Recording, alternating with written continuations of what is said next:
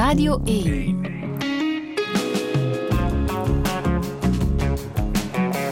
Touché.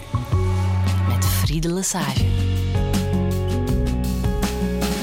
Touché met Eva Kamanda. Goedemorgen. Dag Friedel. Hoe gaat het? Goed, heel goed. Ik ben super blij met de zon. Ik heb heel veel nood aan zon. En met een vrije zondag, want je hebt ook tien dagen lang, tien zondagen lang gewerkt bij Ja. Jan-Jaap van der Wal Ja. eh, voor zijn programma, eh, programma Jan-Jaap op zondag.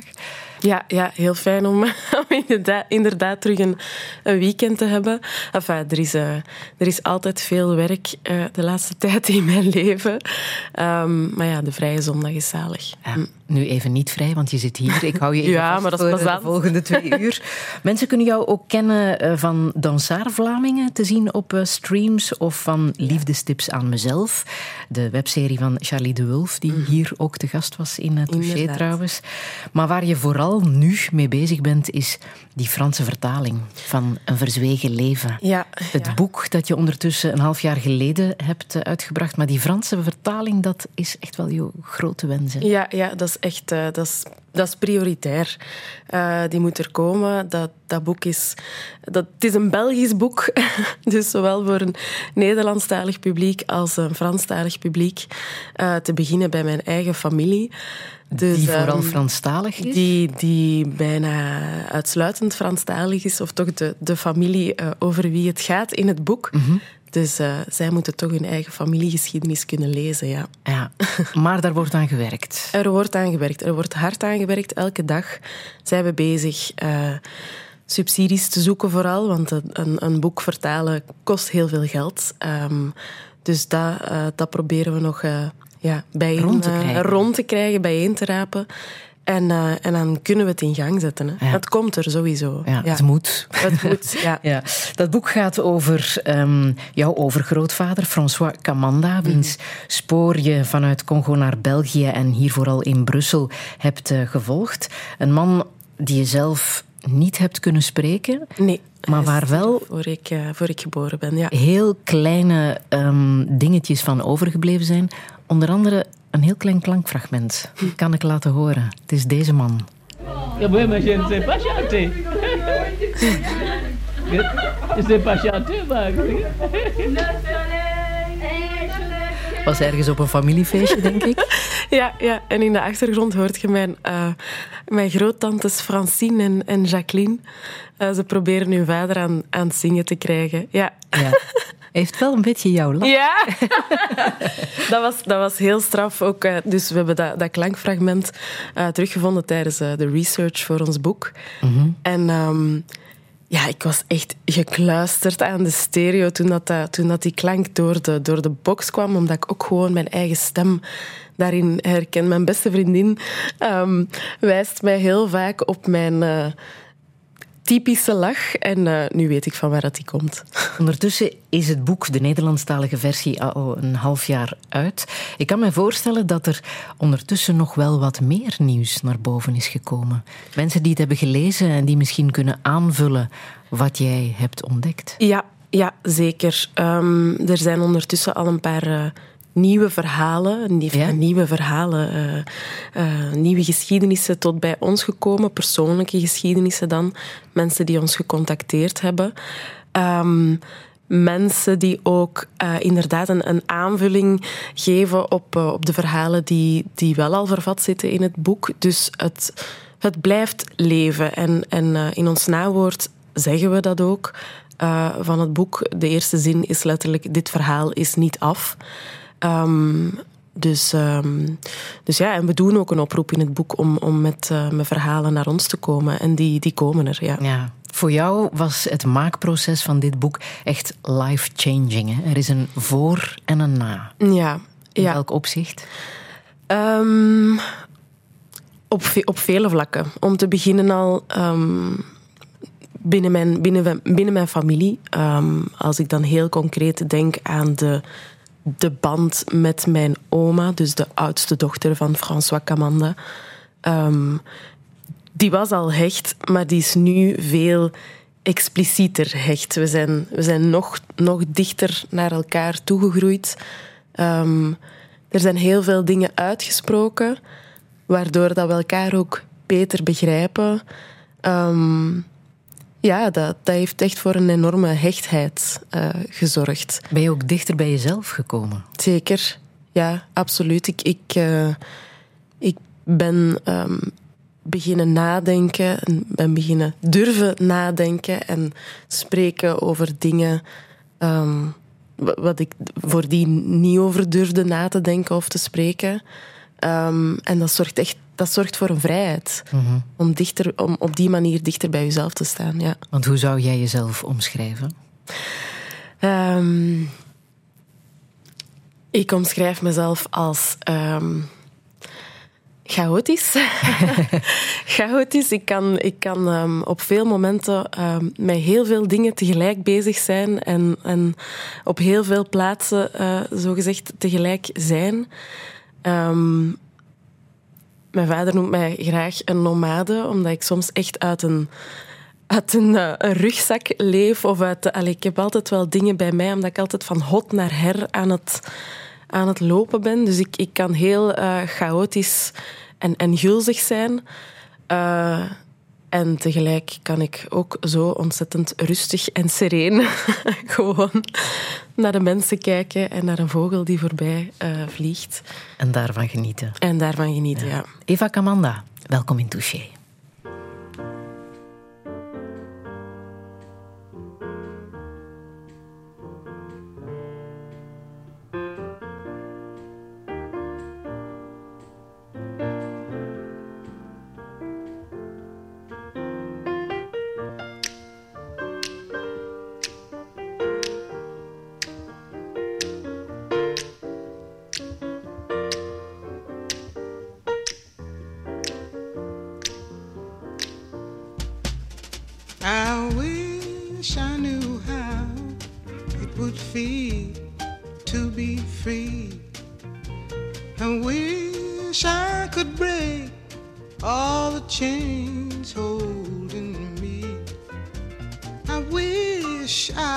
say all the things that I should say. Say them loud, say them clear for the whole round world to hear. I wish I could share all the love that's in my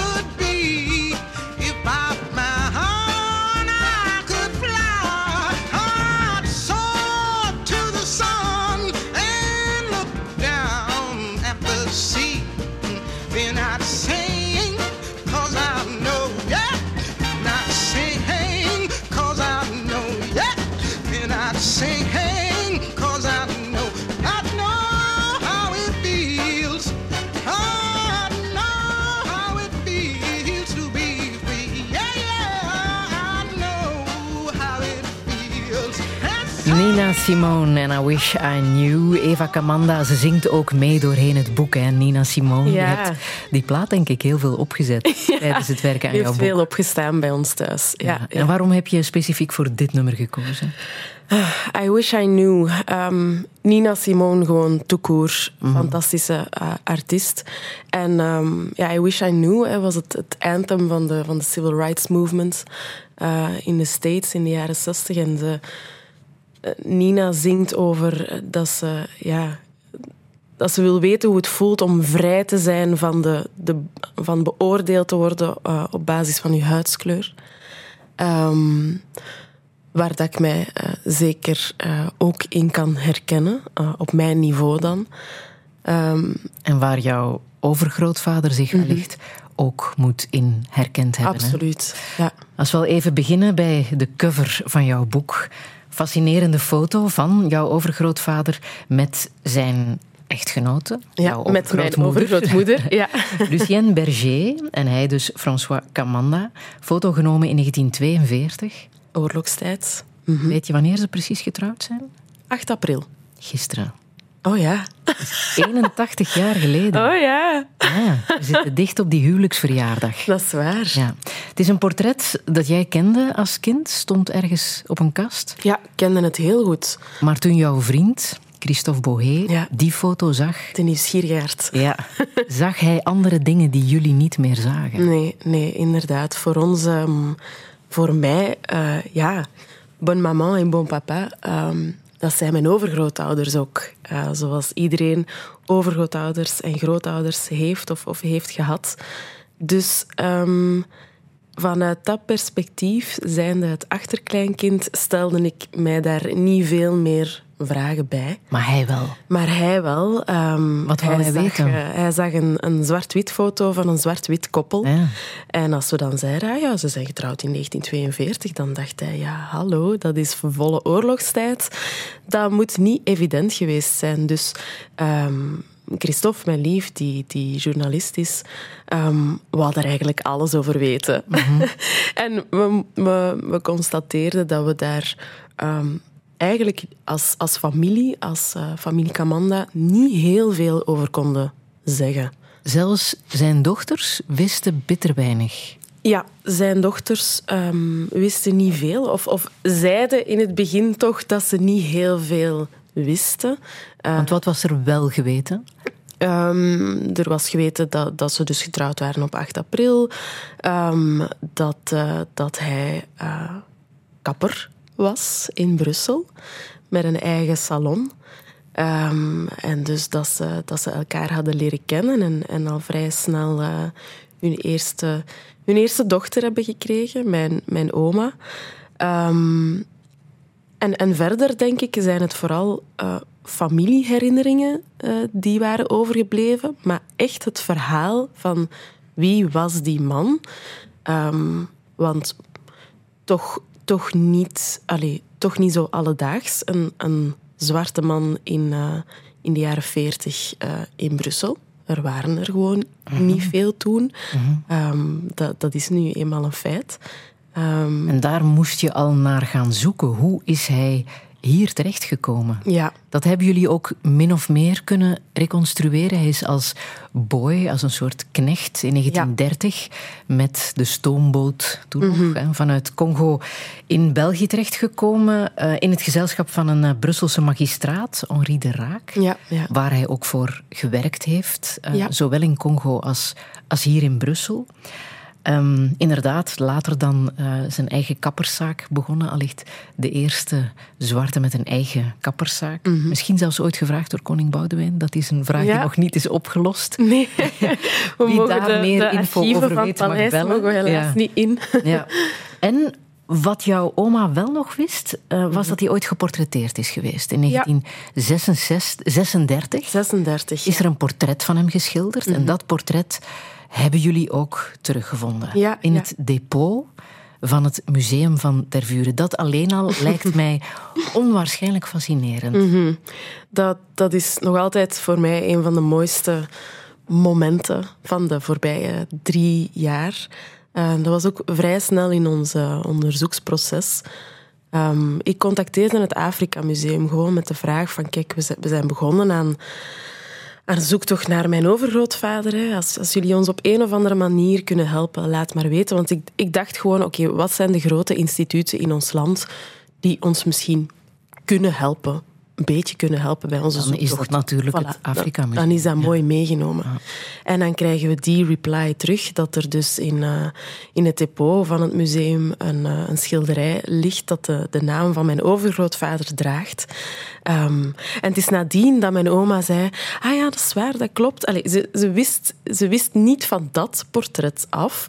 Ze wist wel gewoon dat er, toen zij klein was, gebeurd was, ja. dat er een schilder was langsgekomen in het kapsalon ehm, en dat hij eh, haar vader wou portretteren. En, en ze wist van een ander een houtskooltekeningetje, maar dit eh, oliedoek in het Afrika Museum was ook totaal nieuw, nieuws voor Mhm. haar. Maar dat zijn wel die kleine strohalmen die je nodig hebt om een leven te reconstrueren. Want zo ben je te weten gekomen dat de schilder van dat portret, Henri Logelin, bleek te zijn. Mhm. En dat zijn broer een heel belangrijk figuur is geworden in het leven van jouw grootvader en in het grotere verhaal dat Absoluut. we lezen in jouw boek. Hè? Ja, ja, ja. Die broer was- het vertellen, hè? Robert Logelin, advocaat, maar vooral ook tijdens de Tweede Wereldoorlog. Ja, de oprichter van eh, La Libre Belgique, verzetskrant, ehm, grote verzetskrant hier, eh, hier in Brussel, in België. Ehm, en mijn overgrootvader, nadat hij dus als boy gewerkt had voor Henri de Raak, de man die hem meenam eh, vanuit Congo, heeft hij ook nog gewerkt voor die Robert Logelin. Ehm, voilà, dus, dus zo zijn we op dat spoor, via dat schilderij, op dat, op dat spoor eh, gekomen. Maar als jouw patron Mhm. La Libre Belgique drukte, maakte, de man was achter, dan denk je natuurlijk, heeft Ja. mijn grootvader daar iets, overgrootvader daar iets mee te maken? Absoluut, dat is de eerste vraag die je stelt. Hè. Van, heeft hij ook iets betekend voor eh, België tijdens oorlogstijd? Ehm, en en eh, we, we hebben heel eh, hoge vermoedens, grote vermoedens van wel. Eh, gewoon al het gegeven van het, het kapsalon zelf. Ehm, het werd mogelijk meer gefinancierd of mede mogelijk gemaakt eh, door die Robert Logelin. Want ja, ehm, een zwarte man in die tijd die een eigen kapsalon runt. Congolese getuigen die we nu in 2022 en 2021 zijn gaan spreken, die zeiden van voor ons was dat echt, dat was absurd dat wij, dat wij die man zagen dat hij een kapsalon runde. Dus om gewoon maar te zeggen, dat was niet evident. Ehm, maar we weten ook dat kapsalons tijdens de oorlog ehm, al wel eens gebruikt werden als brievenbus om geheime boodschappen door te geven. Eh, dus ja, de, de ideale plek om eh, boodschappen door te geven ehm, ja, uit het zicht van de nazi's. Ja. Je hebt wel hem zien staan op een lijst, een belangrijke lijst van Congolezen die effectief zijn gerecruiteerd om mee te werken in het verzet. hè? Absoluut. Hij was de- niet de enige Congolees. Nee, nee, nee. Dus in de, Rijksarchie- aangesproken. in de Rijksarchieven hebben we eh, de list nominatief, eh, dus eh, ja, een recruteringslijst teruggevonden voor L'Armée Secrète, het geheim leger. Ehm, zone 4, dus waarin Brussel valt. En dat is een lijst met ehm veertigtal Congolese eh, namen, mensen die dus eh, gerecruiteerd zijn geweest voor het geheim leger, van wie we later dan ook in de archieven van Defensie in Everen ehm, officiële steekkaarten hebben teruggevonden van kijk, eh, van, dan, van dan tot dan gediend voor het geheim leger. Ehm, dus die, die mensen die hebben dat gedaan, dat is ook goed documenteerd geweest. Ehm, Terwijl ze al kwetsbaar waren natuurlijk hè, in de Tweede Wereldoorlog, ja. werd er ook naar hen gekeken. Absoluut, ja, ja. Ehm, er werd ook naar hen gekeken, niet met zo'n groot vergrootglas, eh, vergrootglas als naar eh, de Joden. Ehm, en het is ook misschien daarom dat ze net in dat verzet hebben kunnen zitten, omdat ze door de nazi's ehm, werden gezien als untermenschen, maar niet als, eh belang, als untermenschen die belangrijk genoeg waren om ze continu in het in het oog te houden. Is jouw grootvader daar, overgrootvader, Mhm. daar ooit voor ehm, beloond voor zijn verzetstrijd? Nee, ehm, we weten via mondelinge overlevering dat hij uh, ooit een uh, pension de guerre zou hebben aangevraagd. Dat wel. Dus dat is voor ons uh, ook nog een, een, een, deel van het bewijs dat hij wel heeft deel, deelgenomen aan het verzet. Um, maar hij is daar nooit voor beloond geweest. Nee, net als zoveel andere Congolezen. Die, die hebben deelgenomen aan het verzet en die er nooit voor beloond zijn geweest. Heeft hem dat gefrustreerd, denk je? Dat weet ik niet goed. Um, dat, is een, dat is een hele goede vraag. Want ik denk dat hij uh, wel een ontzettend um, ja, patriotisme voelde voor België dan, voor zijn nieuwe, voor zijn nieuwe thuisland. Ik denk dat, denk dat België ook een, een soort van ja, heilige graal of zo voor hem moet geweest zijn.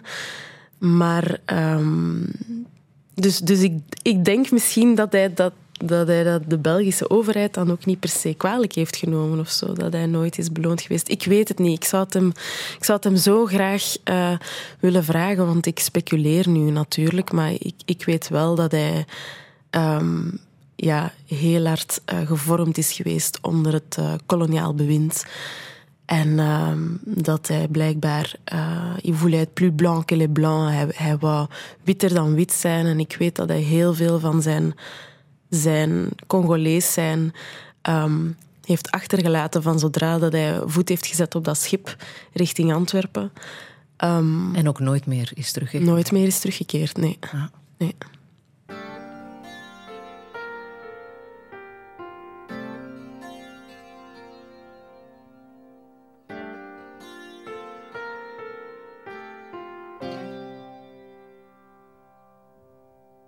Quero ir-me embora, o meu coração deixar, pôr o seu veneno fora e de ti me curar. Eu quero perder-te para de novo te ganhar e no labirinto das penas aprender. Abraça-me abraça-me e beija-me, deseja-me, aperta-me bem forte ou contra ti. Abraça-me, abraça-me e beija-me, deseja-me e deixa-me um pouco morrer por ti.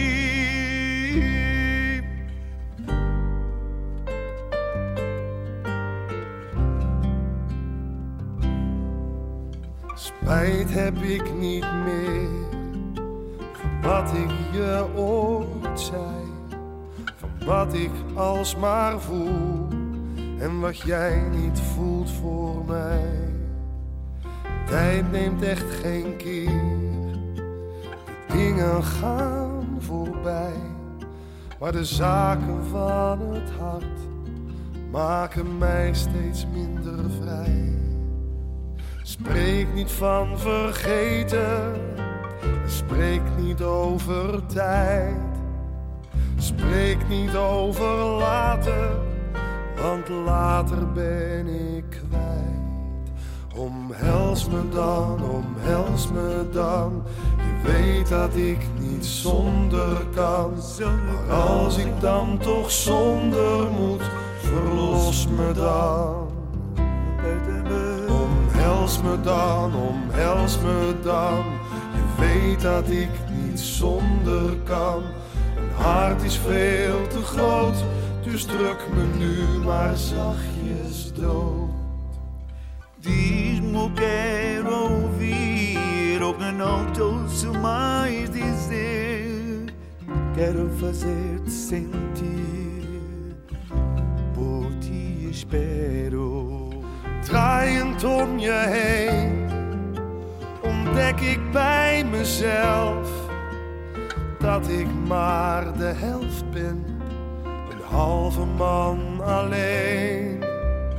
Quero fazer-te sofrer, não por eu te querer mal, mas por eu não poder dizer o quanto te quero. Quero ver-te cair para te poder levantar. Da indiferença te fazer sair, escutar-te chorar. Abrasame van Fernando Lamerinhas, hier samen met de Nederlandse band Bluff. Ja, op een feestdag als vandaag, waarop families samenkomen, het ideale nummer, Eva Ja. Kamanda. Bij deze een, eh, een, een, eh, een goede dag naar mijn mama, die ook aan het luisteren is.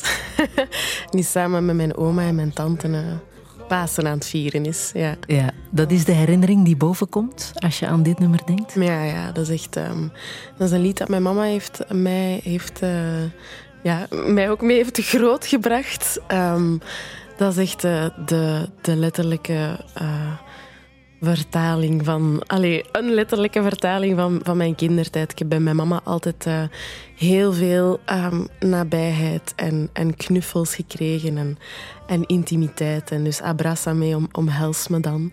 En het, het lied zelf, als je, het, eh, als je goed luistert, is natuurlijk een, eh, een, een lied wa- waarbij je hart eh, breekt. Want, want het gaat over iemand die, die vraagt van... Zie mij graag, omhels mij dan. En, en als het niet gaat, laat me dan los. Ehm, maar voor mij zit die, die herinnering aan, eh, aan mijn mama en aan de vele knuffels die ze mij heeft gegeven. Over jouw kindertijd zeg je ook, dat was de allerbeste periode van mijn leven. Oh, nochtans, het is nu ook heel fijn. Maar ehm, ja, dat was een. Ik heb een eh, vrij zorgeloze kindertijd gehad. Allee, ik mag mij toch gelukkig prijzen. En, en als ik daaraan terugdenk, dan, dan denk ik echt. Ja, dan, dan is het bijna altijd feest. En, en ehm, ja, gewoon de, de zorgeloosheid van de kindertijd. Ja. Nochtans, je bent een gekind van een gescheiden ouders. Ja, klopt. eh, inderdaad. Ehm, dus bon, het was niet 100% eh, zorgeloos. Maar het heeft niet zo erg gewogen dan op, op jou? Mm, een tijdje wel, een tijdje wel. Ik heb, ehm,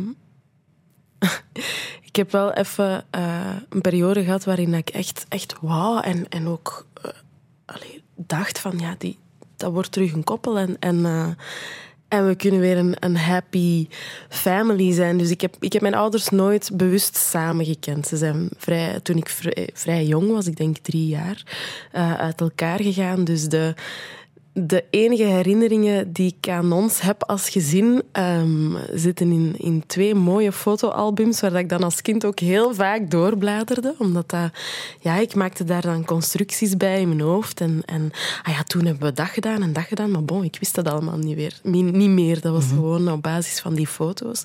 Dus ik heb dat wel een tijdje eh, gewild. En dan, en dan met ouder worden begrijp je waarom dat ze niet meer samen zijn en, en waarom dat ze eh, ook niet per se eh, samen passen. En dan is het ook gewoon prima. Ik bedoel, de, de, de samenstelling of de constructie van een gezin is niet per se belangrijk, maar wel hoe dat je eh, bent met elkaar binnen die constructie. En mijn ouders... Allee, komen ehm, nog altijd heel goed overeen met elkaar. Allee, ik, heb een, ik heb een hele goede band met mijn plusmoeder. Ik heb twee fantastische zussen, ehm, dankzij mijn plusmoeder en mijn, en mijn papa. Ehm, dus eh, ja, ik prijs mij gelukkig, want ik heb nu een heel grote familie. Ja. Ook Ja. opgegroeid in de filmwereld. Ja, ja klopt. Ehm, mijn papa is, heeft een, eh, ja, ik mag dat toch wel zeggen, een, een mooie carrière eh, binnen, de, binnen de cinema. Ehm, hij werkt vooral als, als first AD ehm, binnen film. Dus eh, ja, als kind mocht ik wel vaak mee naar set gaan.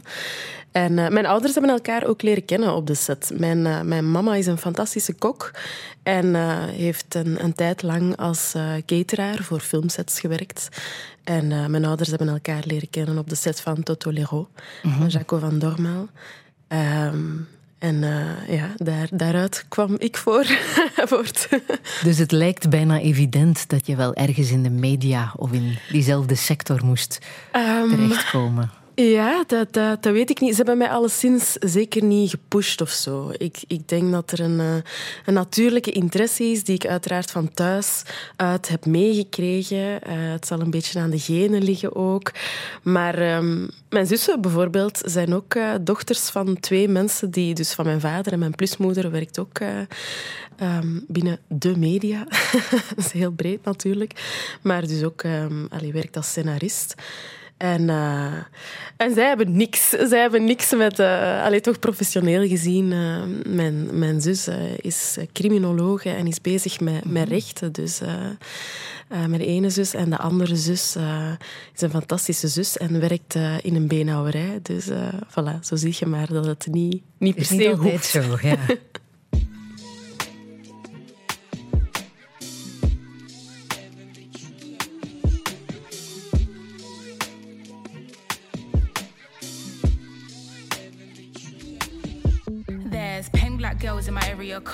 Dark skin, light skin, medium tones. Perm braids got mini afros. Thick lips got hips, some of us don't. Big nose contour, some of us won't. Never wanna put us in the media, bro. Want a fat beauty like Kardashians, no. Want a fat beauty like my auntie got, yo. Wheel up the block clock, tell her reload it. I've got the camera, my girls are posing. I need some backup, then my ones are rolling. Grown woman thinks I'm never at risk. Mind my own business, I'm never in mess. Who am I? I ain't big, get a slice of the cake. Want a house with a view and a new pair of shoes. Keep it real from the jump, Gucci gang. Little, little vibe, little bass, little kick, little snare, little lies, big truths. Do you? They don't care. They don't care. Get your ass out the box and build up from there. I don't have a gang with me, but I still walk with a gangster lean. I rock Nikes cause we think they're clean. MJ leather jacket beating Billie Jean. MJ leather jacket cause I think I'm bad. That's cool. I like it. The growth, the light, the pain, the fight. We love, we fight, we hurt, we cry. He paid the price. You'll be. I think I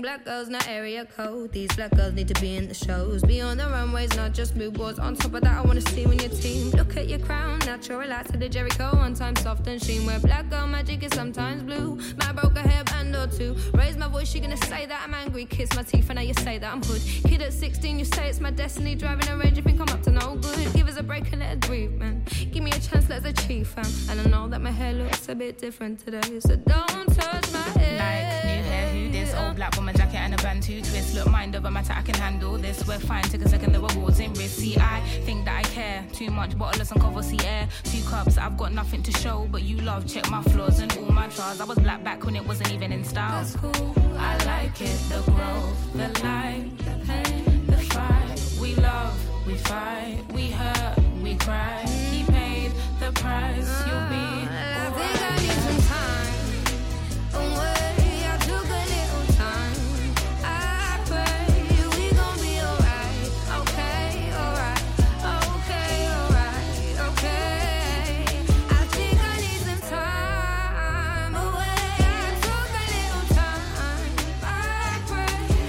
Hang Black Girls remix van Annie en Georgia Smith. Eva Kamanda. Ja.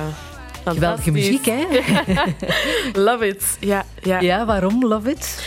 Um, de sound alleen al, um, maar zeker als je, als je goed luistert naar, naar de tekst ook. Uh, Annie, Annie zegt op een... Enfin, het is Georgia, denk ik, die zegt van... Uh, These black girls need to be in the shows, be on the runways, not just moodboards.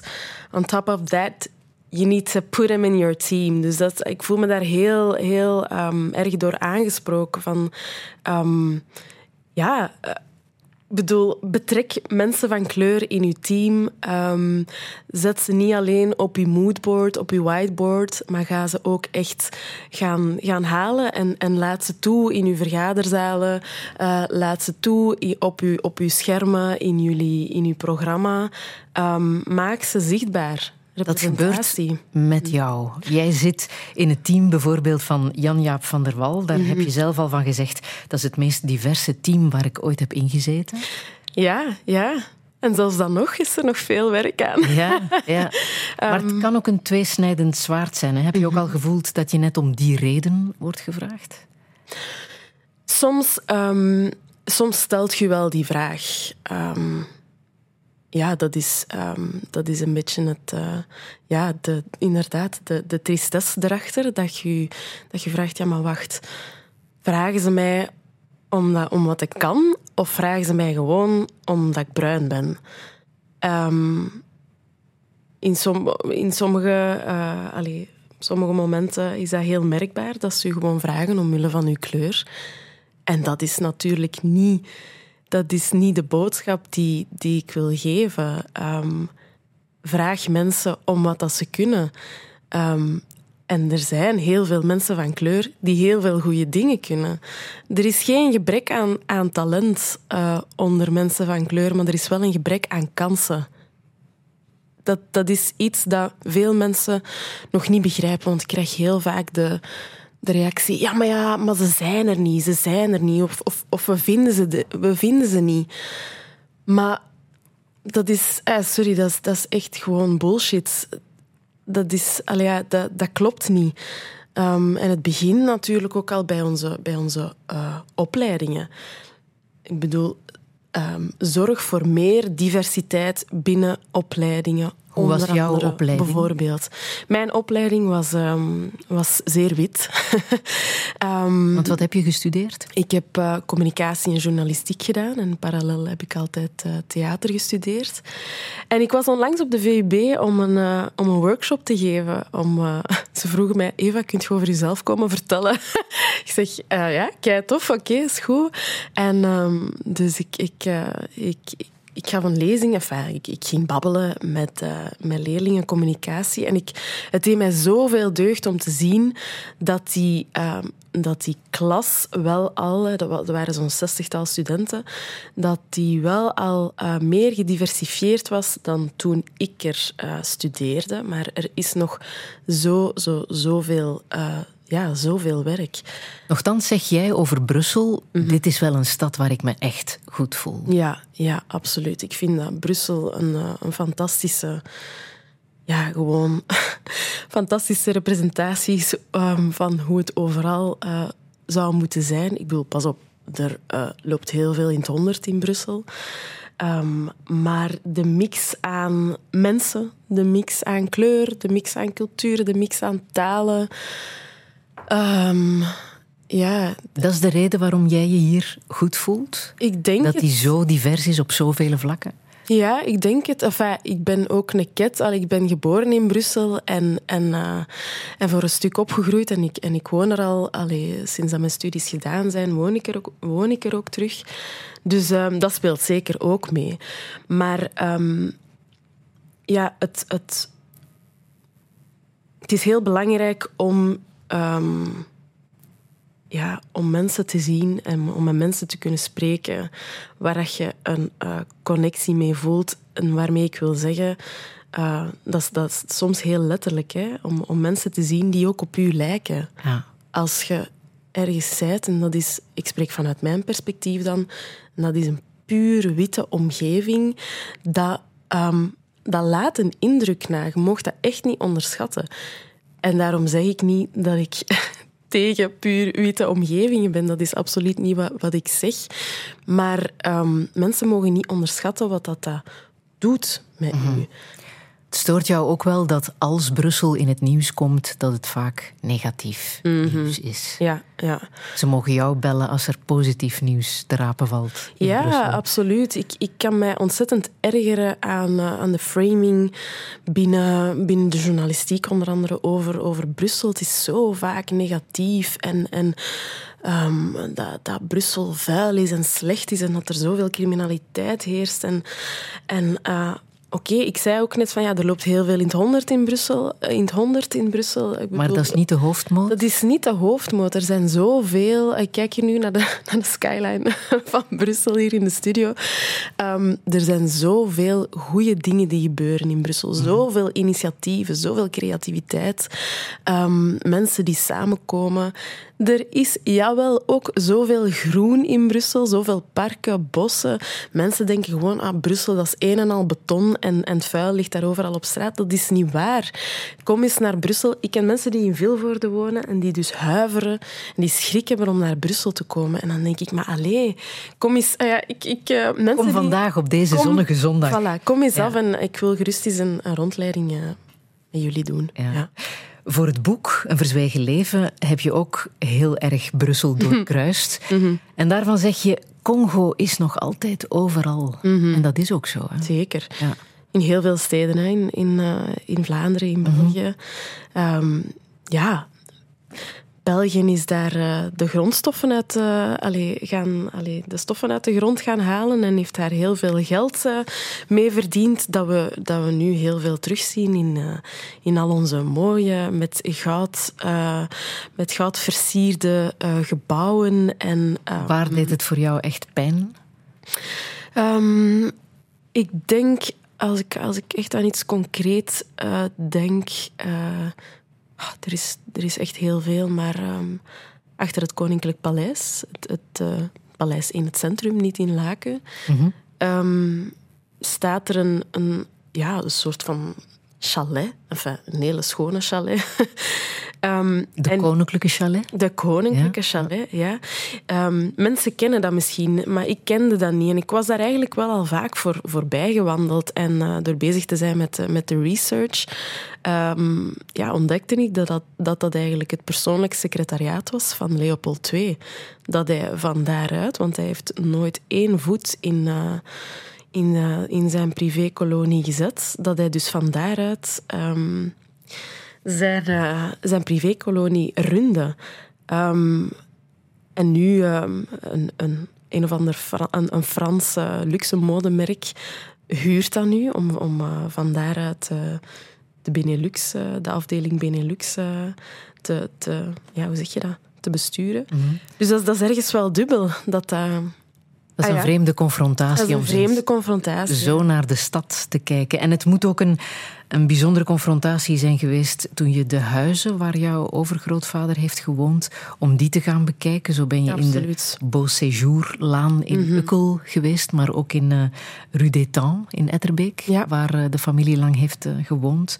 Ook twee contrasten hè, binnen één grootstad. Absoluut. Eh, het huis eh, waarin mijn overgrootouders en hun kinderen gewoond hebben in de Rue L'Étang bestaat zelfs niet meer. Dat is, dat ehm, dat gesloopt geweest voor eh, de bouw van, van sociale woningen. Ehm, maar bon, als je, er, als je er nu doorwandelt, dan, dan zie je wel dat het... vroeger was dat een, een arme arbeiderswijk. Ehm, maar het eerste, het allereerste adres waar mijn overgrootvader terecht is gekomen, dus eh, vlak nadat hij van schip eh, was gestapt, was dat meteen richting Brussel. En meer bepaald naar Ukkel, naar de zeer rijke eh, kant van Ukkel. Enfin, Ukkel is bijna volledig zeer rijk, maar ehm, we zijn ook in die straat geweest, want hij, ja, hij moest dus gaan werken als boy voor die Henri de Raak en, en voor zijn eh, in de, in de Schoonverblijflaan. Eh schoonverblijf, eh, lede- re- redelijk letterlijk. Het is een, kast van een huis ehm, waar minstens vijf gezinnen in, in kunnen wonen. Ehm, het is nog altijd prachtig onderhouden. Het is, het is echt een... Ja, het, is een, het is een prachtige straat. Maar ehm, toen ik daarvoor stond en toen ik ook in die tuin stond, want we hebben uiteraard aangebeld en gevraagd of dat we eens een kijkje mochten gaan nemen in de tuin, dat een, eh, half ehm, golfterrein is, dat was ehm, heel wrang. Omdat je weet, mijn, mijn voorvader, mijn overgrootouder, moest hier werken.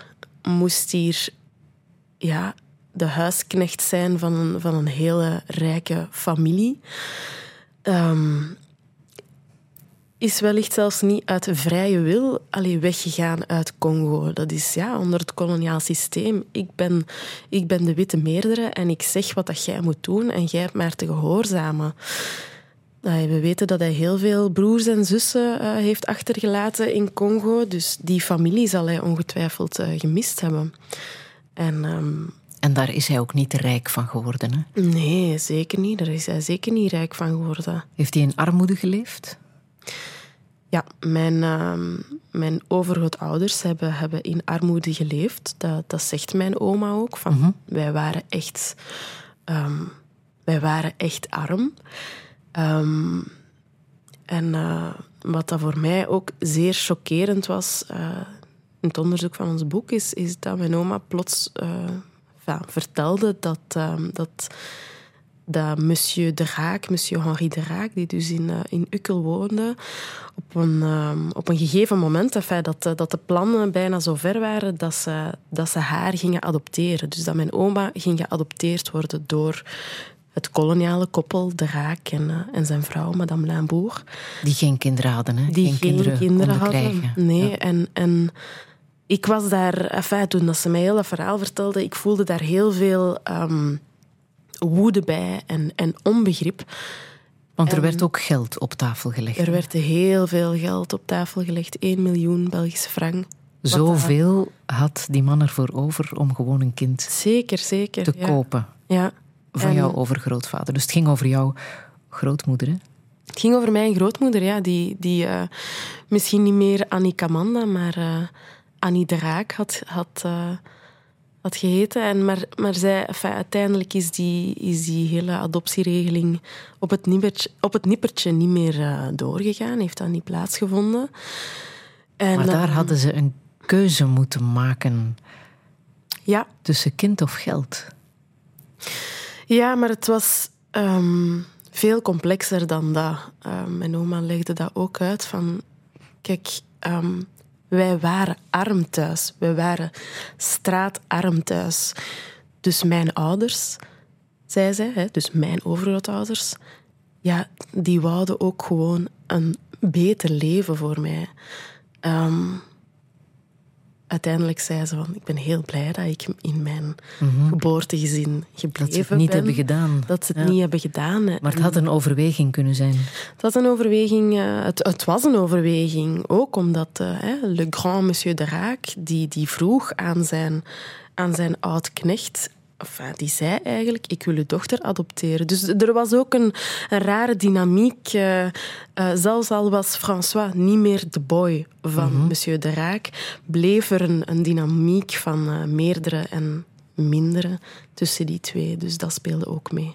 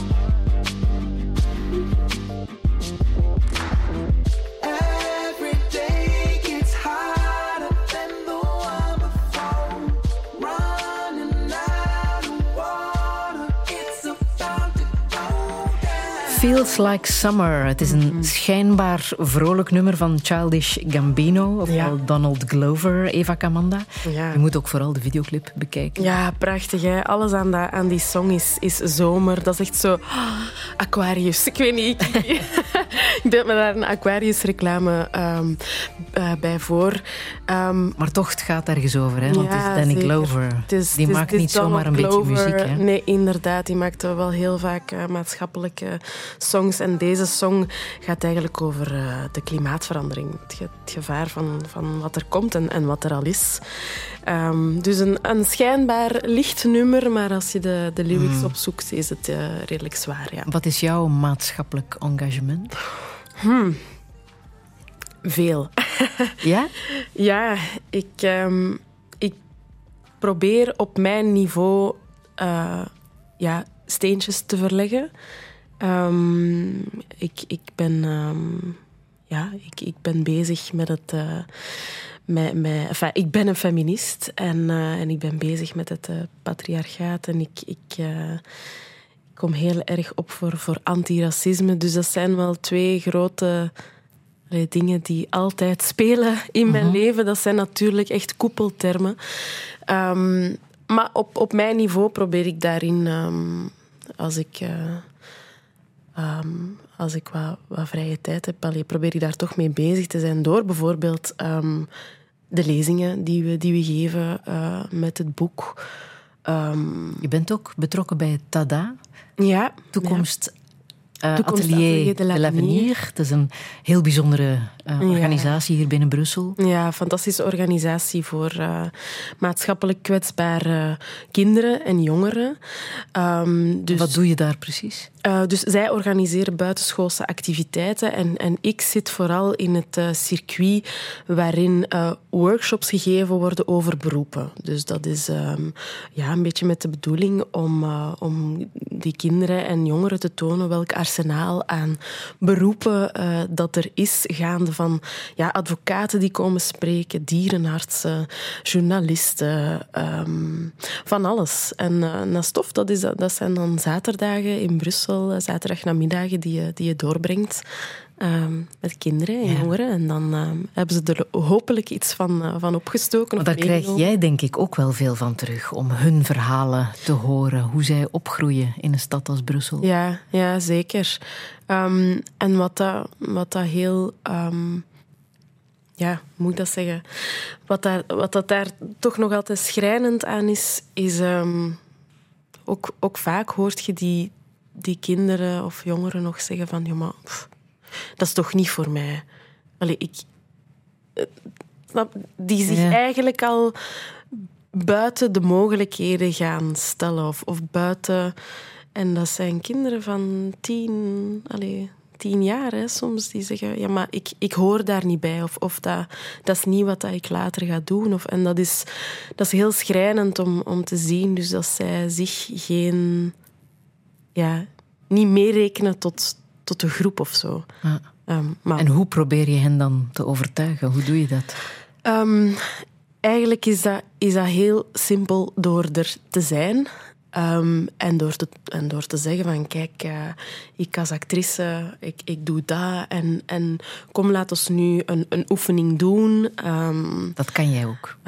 Ja, een oefening in welsprekendheid of in drama. En, en ik denk gewoon door er te zijn al, door zelf ehm, deel van de representatie te zijn voor hen. Want bijvoorbeeld, ja, toch wel best veel ehm, meisjes zijn dat dan. Ehm, bruine meisjes met krullend haar, die dan naar mij komen van... Wow, amai, mevrouw, zeggen ze dan. Eh, hey, wij hebben hetzelfde haar, hè. Ah, maar kijk, ik vond het kei tof vandaag. Ah, ik ga misschien vragen aan mijn papa of ik misschien naar de academie mag gaan of zo. Allee, de- En zo begint het. dan weet Ja. je, oké, ik heb iets in beweging gezet. Eva Camanda, ik weet niet of je deze muziek herkent.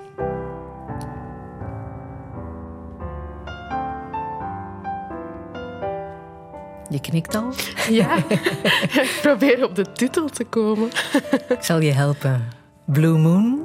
Blue Moon, ja. Het is muziek die een rol speelt in de film Blue Jasmine van Woody. Allen. Oh, Film uit 2013 met Kate Blanchett in eh, de fabuleuze Mhm. hoofdrol. Ze heeft er een Oscar, een BAFTA en een Golden Globe voor gekregen. die vrouw. Jij was er heel erg door geraakt, hè? Ja. Door haar acteerprestatie? Uiteraard, Kate Blanchett is... Allee, wauw. Ik heb er geen woorden voor. Ehm, maar die film ehm, ja, heeft mij ontzettend geraakt. Omdat ja, het is een vrouw die, die, die haar kwetsbaarheid toont. Die, die letterlijk in een zenuwinzinking ehm, terechtkomt. En het, en het verhaal, hè, ze... ja, ze wordt eigenlijk keihard gefokt door haar echtgenoot. Die, eh, die van alle loesje dingen eh, doet. De man is de bad guy. En, eh, en zij is eigenlijk ook een bad guy. Zij, zij is ook echt een trut eigenlijk. Ehm, Ze moet haar rijke luisleventje ja, opgeven ook, hè? opgeven, ja. Ja, En dus je ziet daar eigenlijk volledig ehm, afbreken en, en afbrokkelen. En die, die rauwe kwetsbaarheid die overblijft. En die, ja, die zenuwinzinking waarin dat ze dan stort. Ehm, En ze verknoeit dan nog eens haar tweede kans. ze verknoeit haar tweede kans. En, en het is zo magistraal gebracht. En ik, ik kan alleen maar denken, wauw, als ik ooit eens zo'n rol mag spelen... Ah, ja? Ze mogen jou bellen. Mogen mij bellen. Eva Kamanda, wij praten zo meteen verder. Radio 1.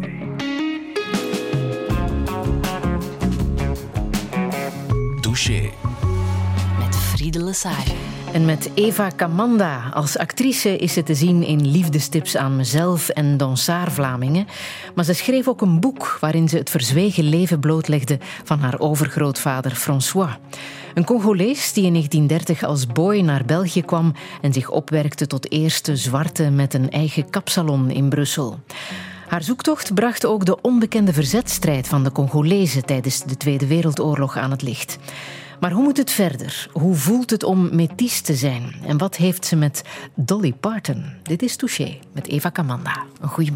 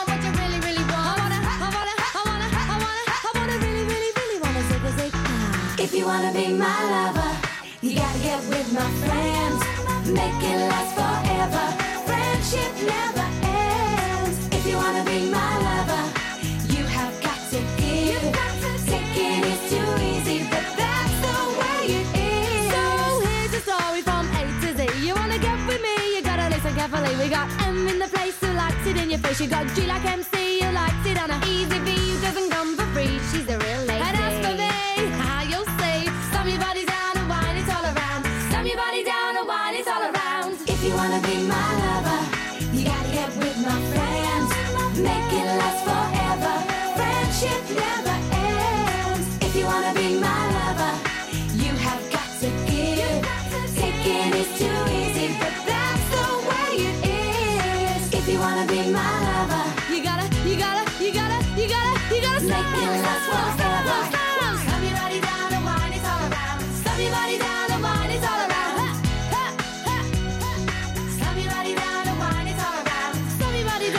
If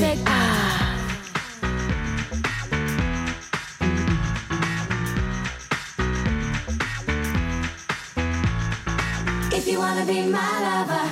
Wannabe van eh, de Britse meidengroep The Spice Girls, hier meegezongen door Eva Kamanda in de studio. Het was hun eerste single in de zomer van 1996. Ja. Ik heb ze ooit geïnterviewd, Eva. Ik heb ze ooit geïnterviewd. No fucking way. Heel raar om te zien hoe jij nu helemaal in de stress gaat. Ja, dat is... Ja, dat, voor mijn generatie, dat, dat waren zo de Beatles van mijn generatie. Dat was echt zo... Ah, de Spice Girls! Dat was, ja, op, de, op eh, freestage op school en zo was ik altijd Mel B. En dan deden we dansjes en dan... Dat was... ja. Was het daarom, denk je, dat je aangetrokken werd door de Spice Girls? Vanwege Mel B? Mm, nee, want zo herinner ik het mij niet. Ik was ze natuurlijk wel altijd als, als, we, als we ze naspeelden met de, met de vriendjes.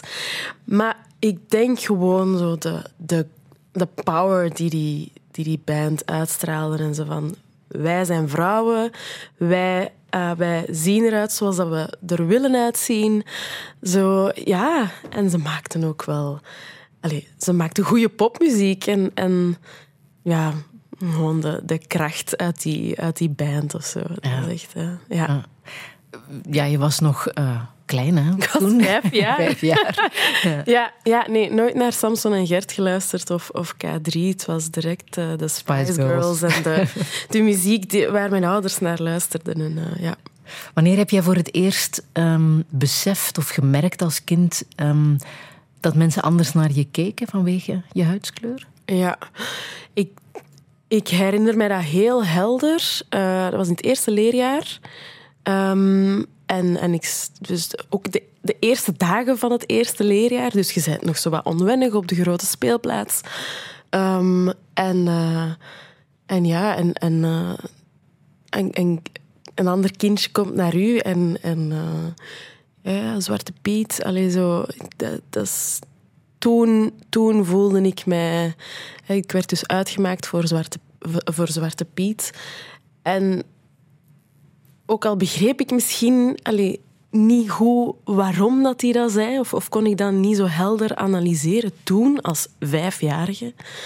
Ik voelde mij wel zo slecht. Je, voel, je v- je voelt dat gewoon in elke vezel van je lijf. Van, die kijkt raar naar mij, die fronst, die, die gebruikt allee, een lelijke intonatie in zijn stem. ehm, en, en, eh, en nadien ja, begint het dan zo wel te dagen. En, en dat, is- dat is denk ik de eerste keer. Ja. En heb je die reacties zien evolueren naarmate je ouder werd? Ehm, evalueren. Ja, in welke zin? Want ze zijn natuurlijk allemaal, ehm, allemaal belachelijk. Ehm, maar ik heb wel in elke, in elke fase van mijn leven, of, of ik heb altijd wel al te maken gehad eh, met, met racisme. En ik denk wel naarmate dat, eh, dat je ouder wordt, ehm, zijn het niet zozeer de, de grote beledigingen, beledigingen die nog eh, binnenkomen. Want, want daarvan weet je ah, wat die persoon zegt. Dat, dat slaat toch op niks. Allee, dat kwetst natuurlijk wel, maar dat is... Ik laat dat links liggen. Het zijn denk ik meer de, de subtiele vormen van, eh, van racisme die, die je veel sneller oppikt en waarvan dat je ziet dat ze ook heel veel aanwezig zijn gewoon. Ja, jij noemt dat micro-kwetsingen. Microkwetsingen, ja. Zoals, kan je daar een voorbeeld van geven? Ehm, een, een, een, iets dat bijvoorbeeld heel vaak terugkomt en waar eh, mensen van kleur eh, die nu aan het luisteren zijn en zich, zich eh, zeker in zullen herkennen, is... maar je Nederlands is, is goed, hè? En dan denk je, eh, ja, ah, ja, ik ben een Brusselaar, ik ben tweetalig opgevoed, ik spreek Nederlands, ik spreek Frans, ik... eh, ja, ja. Of... ehm, of, of dat is misschien al van een ander niveau. Mensen die u vragen om ehm, te kiezen voor een huidskleur. Want ik ben metis, ik ben een kind van een, een wit-zwart koppel. Ja, maar zou je dan liever wit zijn of zou je dan liever zwart zijn? Eh, ze vragen dat echt uit een soort van oprechte interesse, maar mensen begrijpen niet hoe dat die vraag binnenkomt. Ik, ik ben ik ben het resultaat van een liefde tussen wit en zwart. Mijn huid, je kunt dat niet, je kunt dat niet scheiden. Ik, kan, ik kan niet links-wit zijn en rechts-zwart. Dat gaat niet. Ik ben bruin. De- dus vraag me toch niet om te kiezen voor een huidskleur. Dat slaat op niks. Jouw oma, oma Annie, dochter van François Camanda, zit ja, in diezelfde positie, hè, want zij is ook een dochter van een wit-zwart koppel. Ja. Alleen heeft zij haar jeugd doorgemaakt in de jaren 40, 50. Daar hebben jullie ook over gepraat. Hè? Ja, ja. Is er wat veranderd? Welke herinneringen heeft zij aan ja, die ervaring dat ze anders werd bekeken?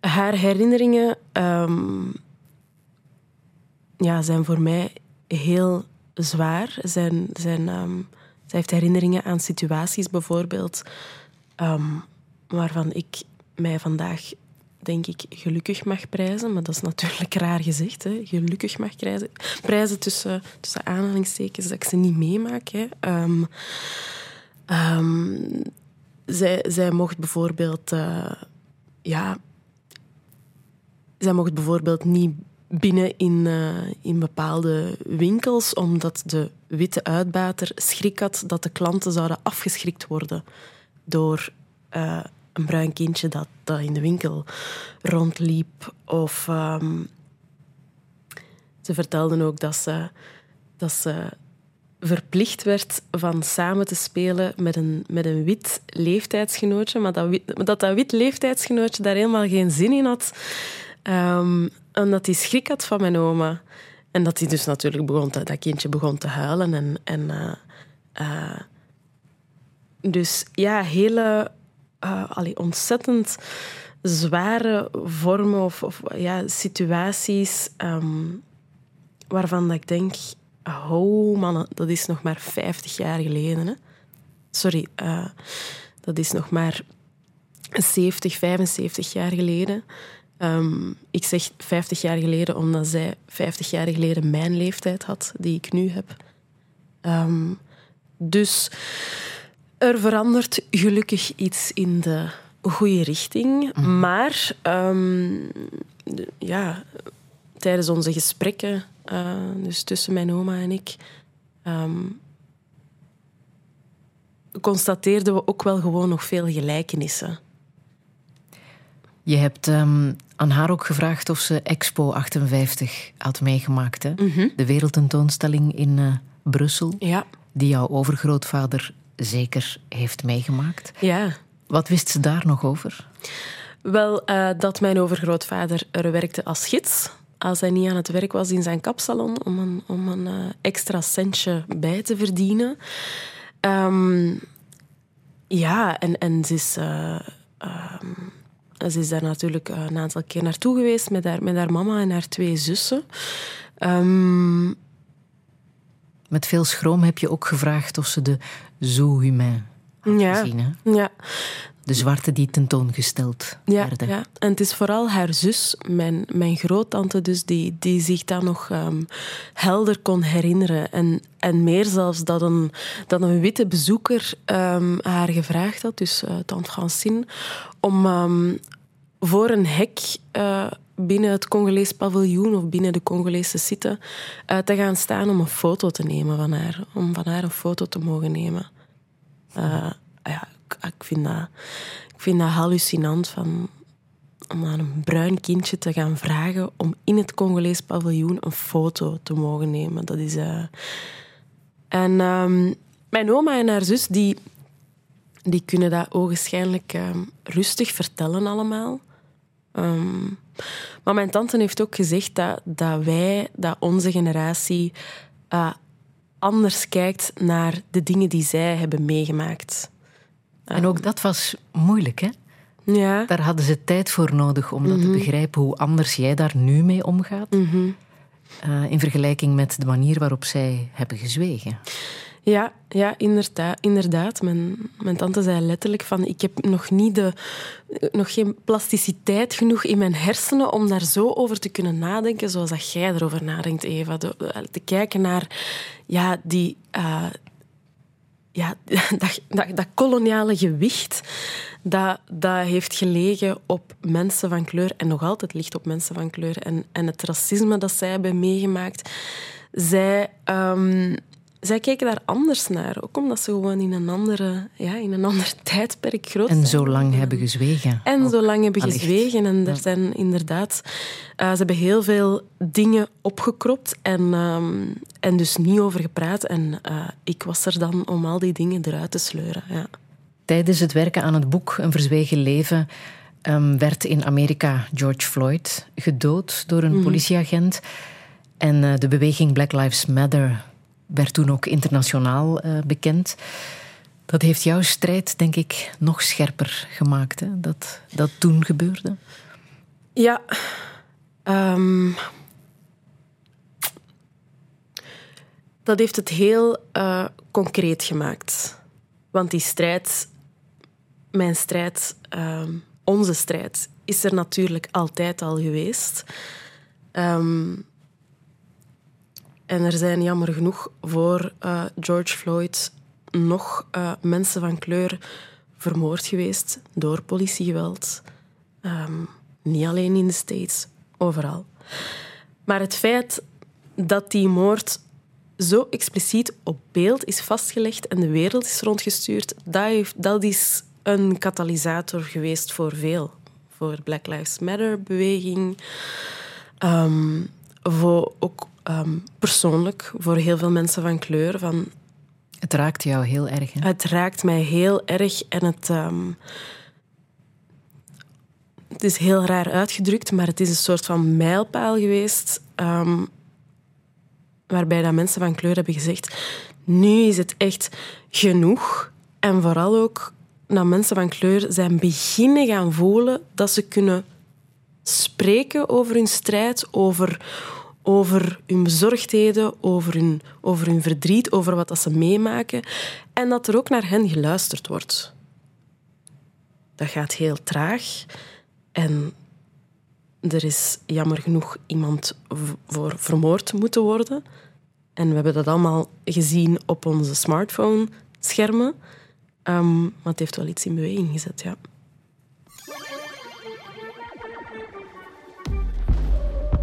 Fenty är fint med Kylie Kass Gå på salong, dansa på Fasching, det är viben i natt För morgonen gryr, det är revolution och barnen ska upp Fenty är fint med Kylie Kass, det är klart det är tufft Fenty är fint med Kylie Kass Gå på salong, dansa på Fasching, det är viben i natt För morgonen gryr, det är revolution och barnen ska upp Fenty är fint med Kylie Kass Det klunkar klart jag minns låda garlic Guida mitt crew som anden fick råda Ali.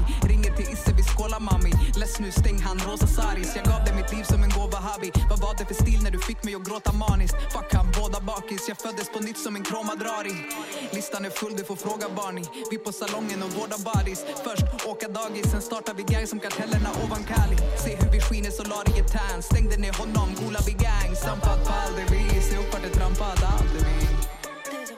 Fenty är fint med Kylie Kass Gå på salong, dansa på fashion det är viben i natt För morgonen gryr, det är revolution och barnen ska upp Fenty är fint med Kylie Kass, det är klart det är tufft Jag och tjejerna, tjejerna, tjejerna, tjejerna, tjejerna, fuck you Jag och tjejerna, tjejerna, tjejerna, tjejerna, tjejerna, fuck you Jag och tjejerna, tjejerna, tjejerna, tjejerna, tjejerna, fuck you Jag och tjejerna, tjejerna, tjejerna, tjejerna, tjejerna, fuck you Vill ha sex med Lil Nas X Hemma i UO, sparka in judo innan Rex. Tar inga swishar som när jag tittar, tar en check. Ute med Susie, sladda i kurvan, sladda däck. Dumpa din kille, lyssna, lyssna, skriv en låt. Kryddan är ingen, du är ett mirakel, kvinnan i filmen Gal Gadot. In the jungle, Amazon, det var samma då vi är som Gal Gadot, Amanda Bergman, Amazon. Fick citroner, gjorde lemonada. Tacka livet, Violetta Para Äter upp det som en enchilada. En kvinna av folket, Che Guevara. Se hur vi krigar som Pascalido. Vänder hot i kraften som i Aikido. Ger dig jazz i facet, det bara kasta tio. Sen vi strimlar ner det i en packad silo. Eh. Trolla med folk, jag är häxa, Gal Sabrina. Har magiska händer som Baba Rida. Ser in i framtid, Al Kahina. De vill bränna på bålen, det är samma lika. Men vi är gjorda för livet, vi är magnifika. Fuck dem, ljus i mörker. Gracias a la vida Yo, Shayna, Shayna, Shayna, Shayna, Shayna, fuck you. Yo, Shayna, Shayna, Shayna, Shayna, Shayna, fuck you. Yo, Shayna, Shayna, Shayna, Shayna, Shayna, fuck you. Yo, Shayna, Shayna, Shayna, Shayna, Shayna, fuck you. Vent är fin, Mikael är kass. Gå på salong, dansa på fashion, det viben i natt. För morgonen gryr, det är revolution och barnen ska upp. Vent är fint, Mikael är kass, det är klart det är Messawi. Hon är så feisty, ah, vaken som en Billie Jean King. Pull up som Tina, Turna eller Ida. Pull up som Tina, Issa eller Isa. Heter Nathalie, Maryam Messawi. Hon är feisty, ah, vaken som en Billie Jean. Pull up som Tina, Turna eller Ida. Shayna, Shayna, Shayna van de Zweedse rapper Cleo. Ja. Eva Kamanda, het enige wat ik heb begrepen is fuck you. is dat een goede samenvatting van dit nummer? Ehm, niet helemaal, Eh, maar ehm, eh, ik ben ook de, ly- de lyrics moeten gaan opzoeken, want ik, ik, ehm, ik was eigenlijk heel toevallig op dat nummer gestoten en dat, dat sprak mij zo hard aan. Maar ja, ik ver- verstond er geen reet van, dus ik denk van ja, wa- waarom spreekt mij dat nu zo aan? Uiteraard de beat en, en hoe dat ze rapt. En eh, ach- achteraf ben ik dan te weten gekomen dat, dat Cleo, eh, ze, heeft, ze is een Zweedse met Tunesische roots, Ehm, en ze staat in Zweden enorm bekend om op te komen voor vrouwenrechten. Ehm, en het lied is, gaat ook over, over vrouwenrechten. Ehm, maar vooral dat opkomen voor vrouwenrechten ook heel vermoeiend kan zijn. En dat dat u... eh, Ja, dat dat... soms, it can suck the life right out of you. Je kunt echt moe zijn, omdat, ja, allez, smashing the patriarchy, daar is veel werk aan. En eh, dus in dit lied eh, zingt, rapt Cleo van, zegt ze tegen de vrouw van, maak ook eh, genoeg plezier, feest, geniet van het leven en kom op voor vrouwenrechten. Ik denk, als ik Dolly Parton had gedraaid, dat het ook goed was geweest. Dat Hè? is ook goed geweest, ja. ja. Wat heb je met Dolly Parton? Ja, Dolly, ja. Ehm, ik vind Dolly Parton ehm, een fantastische vrouw, ehm, omdat ze zo ongegeneerd zichzelf is. Dus ze is unapologetically, unapologetically zichzelf. Ehm, ik zag eens een docu eh, over haar en, en ehm, ze zei dat ze als, als jonge, jonge artiest dat ze eh, van, de, eh, van de business te horen kreeg van ja, je, uiterlijk, je bent te fake, niemand gaat naar u willen luisteren. En wat doet Dolly dan? Ze, ze, ze doet er gewoon een schep bovenop. Ze, ze vertelt in die docu van ja, ik ben bewust voor mijn fake uiterlijk eh, gegaan. Ik wou, ik wou ehm, de town tramp zijn. Dus met, met gigantische pruiken en, en zoveel mogelijk botox. En ze zegt, weet je, ik zie er fake uit. Ik vind dat fantastisch. En al plus, ik verdien er keiveel geld mee. En ze geeft ook heel veel geld weg aan goede doelen. En ik... ik ehm, ik vind dat een, een, een fantastische ingesteldheid. Ehm, Is zij op haar manier ook een feministe? voor mij wel. Voor mij wel. Ook al ehm, zal ze dat nooit toegeven. Ze zegt in interviews letterlijk van... No, no, I'm not a feminist. Oh no, I'm not against men. En dan denk ik dat er gewoon een soort van... ehm eh, allee, semantisch generatieverschil is of zo. Want, want eh, feminisme is natuurlijk niet tegen, eh, tegen mannen of zo. Of tegen enige gender. Dat gaat over, net over gendergelijkheid. Maar voor mij is, is wel een... keiharde feminist, ja. Je hebt een boek meegebracht, hè? Ja. Een, eh, een heel bekend boek, The Boy, The Mole, The Fox and The Horse, Ja. van Charlie Mackesy, een eh, Britse tekenaar. Ja. Er is één zinnetje dat jij daar wil uitlichten. Ja. Welk zinnetje is dat? I wonder if there is a school of unlearning. Vind ik een prachtige zin. Hoe zou je het vertalen? Vraag me af of er een school, iets, een school is om iets te ontleren. Maar dan Af beter. te leren. Iets af te leren? Iets af te leren, ja. Ja. Maar afleren, ja, afleren. Nog verder dan dat. Enfin, en de link voor mij is. ehm, ik weet niet, ik moet daarbij direct denken aan, ehm, aan kwetsbaarheid. Voor mij is het een soort van ode aan de kwetsbaarheid. Ik vind dat een heel ehm, belangrij- belangrijke eigenschap. Eh u kwetsbaar kunnen en durven opstellen en dat daar ook ruimte eh, voor wordt gemaakt. En ik vind dat in onze, nog altijd in onze hedendaagse maatschappij, dat, daar, eh, dat dat veel te weinig is. Dat er veel te weinig ruimte is om, ja, voor kwetsbaarheid kan denk ik niet beter uitle- uitleggen. En ehm, dus die unlearning, ehm, ah, ik zou dat willen, willen, willen ik zou willen dat mensen eh, afleren van zich altijd... Allee, dat ze altijd een schild rond zich moeten hebben. En ik, ik denk dat dat echt iets is dat, dat veel mensen ja, gewoon door, door de maatschappij eh, meekrijgen. En, en ook ehm, van thuis uit van nee, nee, je mocht, niet, je mocht niet dat voelen of je mocht niet triestig zijn of je mocht, niet, je mocht dat niet laten zien. Allee, dat, dat is zeker ook iets intergenerationeels. Ehm, en dat zou ik, allee, zou ik willen dat, dat we dat met z'n allen als maatschappij gewoon een beetje kunnen afleren. Een boek dat trouwens ook prachtig vertaald is door Arthur Japin. Een boek dat eh, iedereen in huis zou moeten halen. Ja. Maar kan jij voor jezelf zeggen wanneer jij in je leven zelf op je kwetsbaarst bent geweest? Ehm, dat, is, dat is heel duidelijk voor mij. Dat is, dat is heel concreet. Ik ben aan het einde van mijn tienerjaren tot ah ja, lang eigenlijk ben ik depressief geweest. Heb ik echt, ben ik echt in een zware depressie terechtgekomen. En eh, ja, toen was ik op mijn kwetsbaarst. Ja. En weet je hoe je daarin bent terechtgekomen? Zeker. Ehm, door invloeden van, van buitenaf.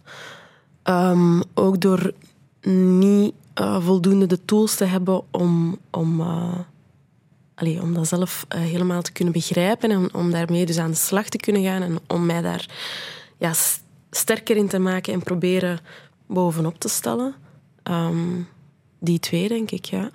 Heeft het ook mee bepaald wat je met je leven hebt gedaan? Ja. Ja? Ik denk het wel. Het heeft, eh, het heeft een heel... Het heeft toch een aantal levenskeuzes op dat moment. En dat is net in een, ja, in een fase van je leven, het einde van je tienerjaar, begin van je, van je twintig, waarin dat je, enfin, niet iedereen, maar veel mensen toch een aantal keuzes maken. En ehm, ja, die, als ik daar nu op terugkijk, die periode voor mij is is eigenlijk een beetje een waas. Ik, ik, was niet, ik was niet meer geconnecteerd met mezelf. Ehm, dus ik kon en durfde ook niet per se gaan eh, voor, voor hetgeen waarvan dat ik diep van binnen wist dat ik, dat ik het wou doen. En wat hield jou dan tegen? onzekerheid, ehm, verdriet. Als je, als je je niet goed voelt, enfin, ik toen, in die periode, ik voelde mij niet goed en ik, ik wou zo weinig mogelijk mensen zien en ik wou gewoon in een bolletje kruipen en, en mij even afsluiten van de wereld. Ehm, dus dat heeft zeker heel veel bepaald op dat moment. Waar dat ik er dan later natuurlijk nog allee, de, de gevolgen van heb gevoeld. Ik denk, denk dat het nog maar vier of vijf jaar is. Zelfs niet. Drie of vier jaar. Dus laat ons zeggen vier jaar. Dat ik, dat ja, dat ik daar terug uit aan het uitgekomen ben. En wat heeft jou dan geholpen om daar uit te komen? Veel, hè. Heel veel goede vrienden in een nabije omgeving. Ehm, naar de psycholoog gaan, uiteraard. U veilig voelen om over die kwetsbaarheid te spreken. Ehm, en stilletjes aan voelt je terug wat, wat licht en, en wat sprankelingen. En dat, dat zijn dan ehm, momenten waar je je aan vastklampt. En, en, en op die manier vond ik mezelf toch, ik spreek nu over mezelf uiteraard, eh, vond ik mezelf terug. Ja. Heb je schrik om daar terug in te vervallen? Ehm, ik heb wel een tijdje gehad. Schrik om daar terug in te vallen. Ehm, dat is nu weg. Ehm, omdat ik denk... Oké, stel dat ik er terug in zou vallen. Wat ik eigenlijk niet denk. Maar je weet natuurlijk nooit wat er gebeurt. Ehm, dan, denk ik nu toch te weten hoe, hoe dat ik er veel bewuster mee kan omgaan. Helpt erkenning alleen al professioneel? Want de voorbije jaren hebben we jou leren kennen via series en via televisie.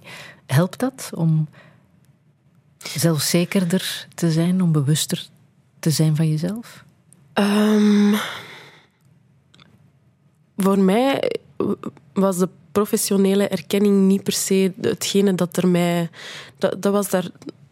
wat er mij... Dat, wat er al... Ja, dat is, dat hetgene wat ik... eh, allee, wat, wat nadien daaruit voortgevloeid is door, door mezelf Door je terug beter te voelen. Door mezelf terug te vinden. En ehm, ehm, ja, wat helpt erbij? Dat is, dat is natuurlijk zo subjectief en zo... Allee, voor iedereen is dat anders, maar... eh, voor mij is dat echt gesprek geweest. En ook gewoon spreken over die kwetsbaarheid met mensen.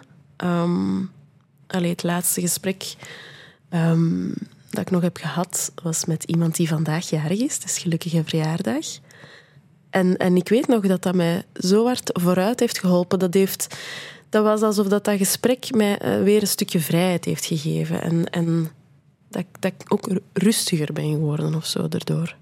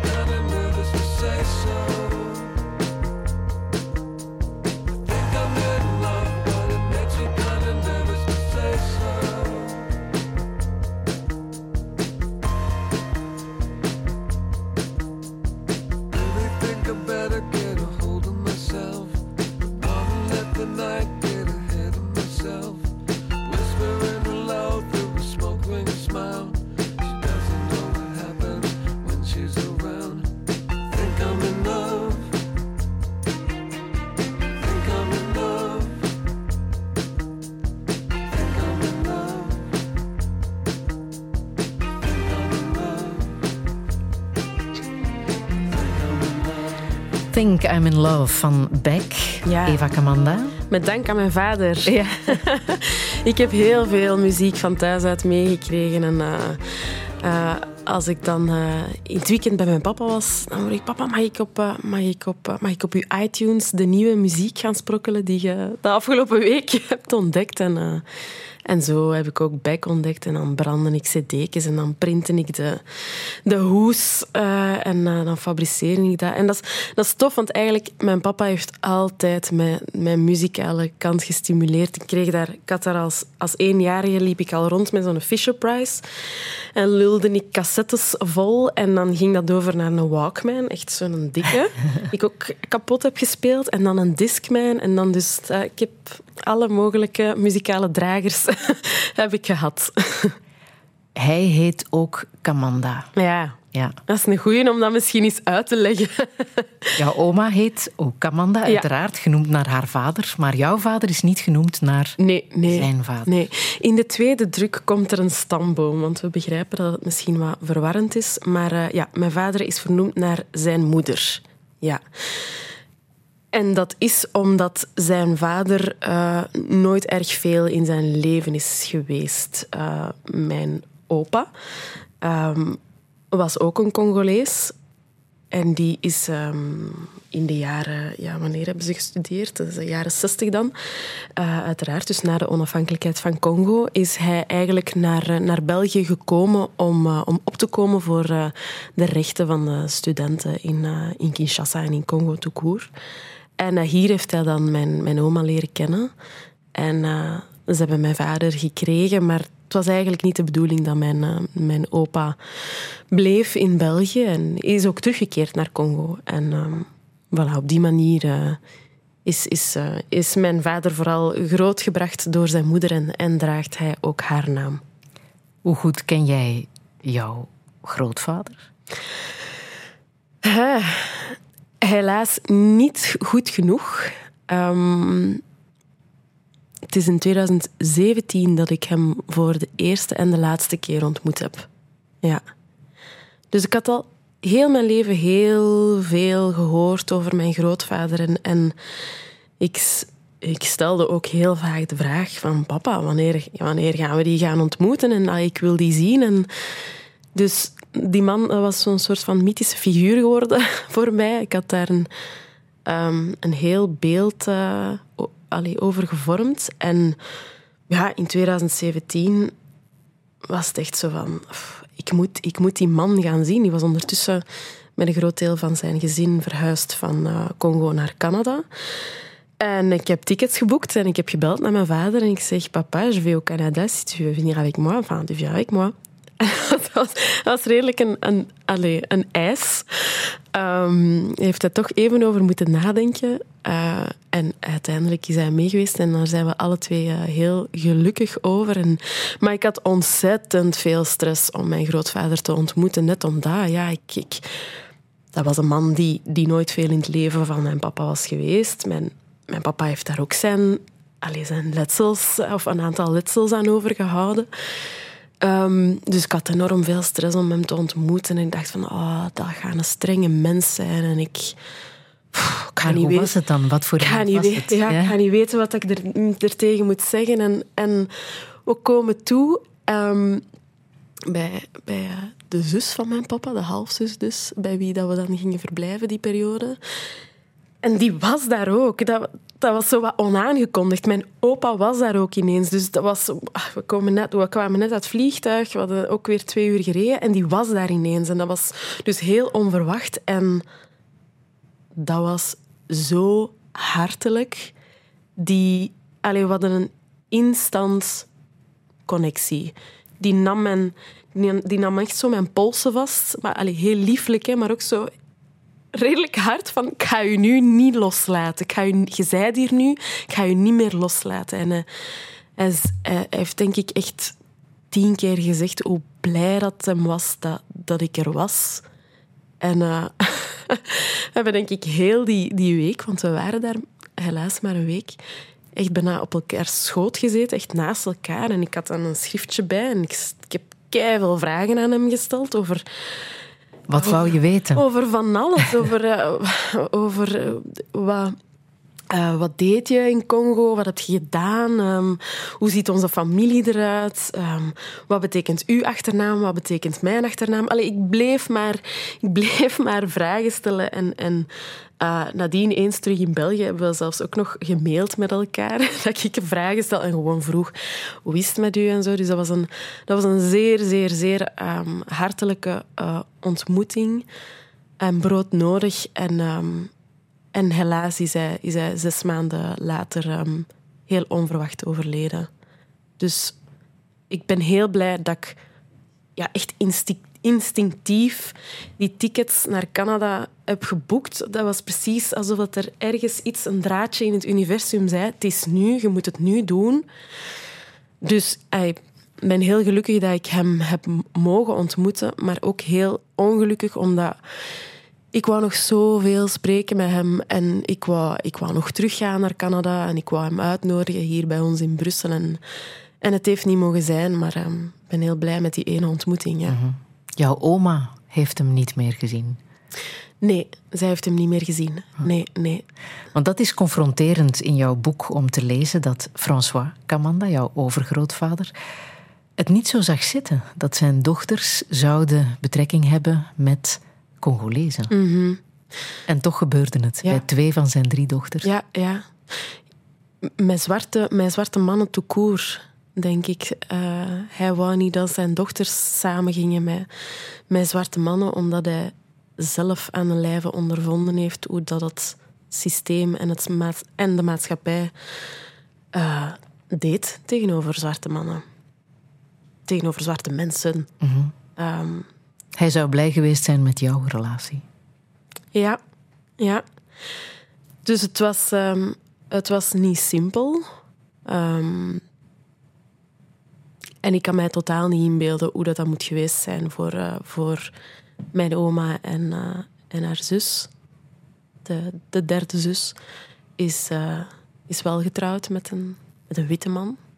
Ehm, deed, deed alles volgens het, volgens het boekje. Alleen volgens het boekje van mijn overgrootvader.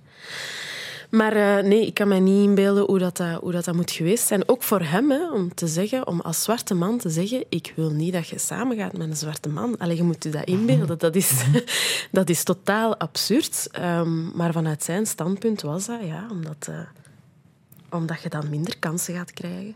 Ga jij trouwen met jouw witte man? Oef, vrouwen. Daar hebben we nog niet, over, eh, nog niet over nagedacht. We hebben wel lang gesproken over een, eh, een groot feest van de liefde. Ja, en op zich komt dat dan wel neer op trouwen, zeker. Maar ehm, vooral zo de, de liefde vieren.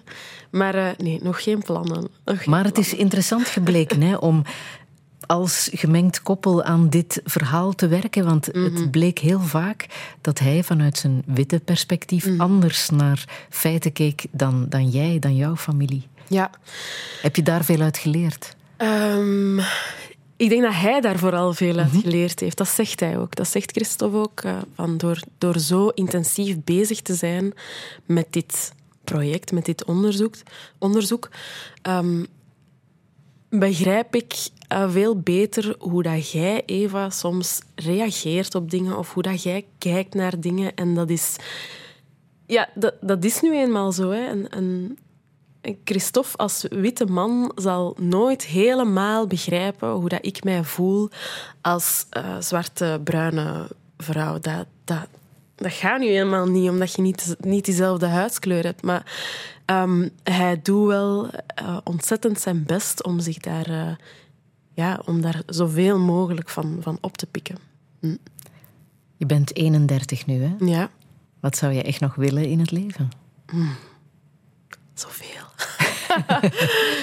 Zoveel. Ehm, maar ik denk aan een, eh, een mooie acteercarrière. Vooral acteren? Onder andere. Dat ja, staat bovenaan? vooral. Ja. ja. Acteren in jouw eigen verhaal, zou dat een optie zijn? Dat, dat is zeker een optie. Ja, een aantal mensen hebben ons al gezegd dat het, eh, dat het boek leest als een film en dat we er zeker eh, cinema van moeten maken. Mag ik jou eraan herinneren dat je bent opgegroeid in een filmgezin? ik weet het. En dat jouw vader misschien wel iets voor jou zou kunnen betekenen? Ja, ja. Je moet het niet zo ver gaan zoeken. Nee, dat is waar. Nee, zou het een optie zijn? Ehm, ja, absoluut. Ik wil daar. allee, ik, ben, ik ben echt ehm, ik ben van, het, van het visuele en Christophe is meer van het, van het geschrevene. Hij werkt al 17 jaar voor de krant, voor de geschreven pers. Ehm, dus als we hier een, een, eh, een audiovisuele afgeleide van kunnen maken, maar heel graag. Ja. en waar, dan, waar ik dan een, eh, een rol in mag spelen. De rol van? Hmm. Misschien mijn oma, ja. Mhm, Ja, dat dacht ik ook wel.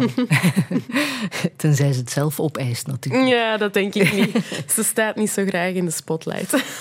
Maar die dertigersjaren, ehm, dat is de, de leeftijd waarop alles moet gebeuren. Hè?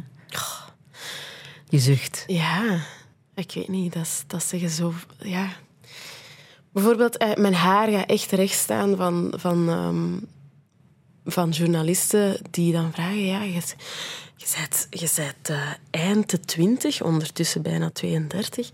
En, eh, en je gaat nu pas de professionele acteerwereld in. En dan denk ik, hm, nu pas? Allee, in het beste geval leef ik nog 40 jaar. Ik vind dat... Ik, ehm, ja, ik heb heel, ik heb heel veel, eh, hoe zeg je dat, weerzin op zulke uitspraken van ja, je, je bent dertig en je bent daar nog maar. Of, of je bent dertig en, en je hebt nog geen kinderen. Of... Oeh. Chill. Allee, mijn filosofie is echt, ik doe gewoon wat ik wil. Maakt niet En uit merk je dat ook bij ben. jouw vrienden, bij jouw leeftijdsgenoten, dat, het, dat dat niet meer zo ter sprake komt? Ik moet hier alles, mijn leven geregeld krijgen eh, op mijn dertigste. Nee, in onze generatie, enfin, toch de, de, de mensen waardoor, eh, door wie ik omringd ben, is dat geen, geen issue of zo. Dat is geen ding. Eh, ik heb vrienden met kinderen, ik heb vrienden zonder kinderen, ik heb vrienden die, die al, al vijf jaar een huis hebben en ik heb vrienden die nog colloq doen. Allee, dat, is, dat is allemaal zo geen... Ja, dat is geen punt. Dat is geen, dat is geen gespreksonderwerp. We, we kijken naar andere dingen. Maar ik voel wel van buitenaf ehm, dat dat vaak nog een vraag is die gesteld wordt. En dat, pff, ik vind dat een, een loze vraag. Je zou misschien je saxofoon terug moeten oppikken. Mm, ja, daar heb ik ook al aan gedacht. al heel vaak. Want je bent nu 31, het wordt tijd, hè? Maar je hebt de saxofoon gespeeld. Ja, en heel graag gespeeld. En ehm, hoe gaat dat dan? Hè? Je, je zit samen in de klas met een, met een vriendinnetje en je, je bent 14 jaar. En oh, dat vriendinnetje stopt met saxofoon. Ja, mama, zeg, dan ga ik ook stoppen met saxofoon. Maar ik deed dat zo graag. En de, de leerkracht heeft zelfs nog gebeld naar mijn moeder om te vragen... Komt Eva niet terug? Want die mag, die mag niet stoppen. En dus ah, ik deed graag en ik, ik was er ook goed in. Ehm, dus ja, ik zal het misschien wel terug moeten oppikken. Ooit eens naar Congo gaan, staat dat nog op je lijstje? Zeker. Daar ben je nooit geweest, hè? Nee, ben ik nooit geweest. Ehm, als het kan, wil ik daar dit jaar nog naartoe. Maar het gaat daar niet goed. Het gaat er niet goed, nee. We gaat hoorden het, net, eh, we hoorden Zelfs, het ja. net nog eens op het, op het nieuws, ehm, op het journaal. Het oosten van Congo, maar enfin, in, in, eh, in, in, in volledig eh, in het hele land, ja. Het, het, het gaat er niet bijster eh, vlotjes of zo. De, Mm. Het is nog altijd een land in, in herstel. Hè? De, de, de onafhankelijkheid, ik moet dat niet vergeten, is, eh, is nog maar eh, dik 60 jaar geleden. Dus ja, als je, eh, als je van de ene dag op de andere zegt... Ciao, we zijn hier weg. eh, red het maar. Regel het maar. En, en, je hebt, en, en de mensen zijn, zijn niet opgeleid. Er zijn ontzettend veel grondstoffen weggehaald. Er is niet geïnvesteerd in infrastructuur. Ja, dan, dan moet een land zich opbouwen met, met alle, alle miserie die er ja, sinds 1960 eh, bij komt kijken. Ja. Eva Kamanda, zullen we nog eindigen met een bloedmooi nummer, Sakura, van eh, Mm. Rosalia. Wat moeten we daarover weten? Fantastische artiest. Ehm, oorspronkelijk is ze eigenlijk een, eh, een flamenco-artiest. Haar eerste album kan ik iedereen aanraden, Los Angeles. Ehm, en dus eh, dit is een nummer van op haar laatste album, Motomami. En het is echt een, een, een flamenco-nummer.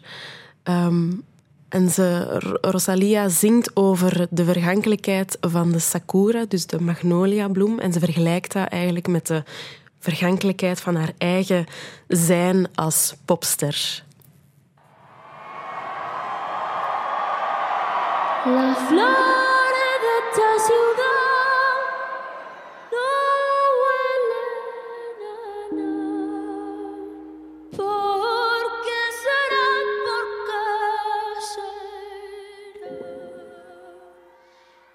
las chicas son tan bonitas, tan plásticas.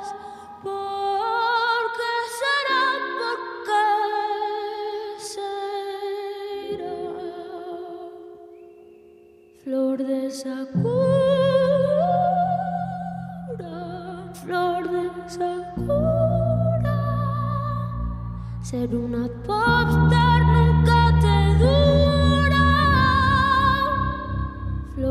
sakura, flor de sakura. No me da pena, me da ternura. No para siempre, pues ser una estrella y brillar. Vi a reírme cuando tenga ochenta y Nunca me ha dado miedo la risa de un loco. Más miedo me da el que miente o el que ríe poco. Si tienes 60 y te endiablas cuando una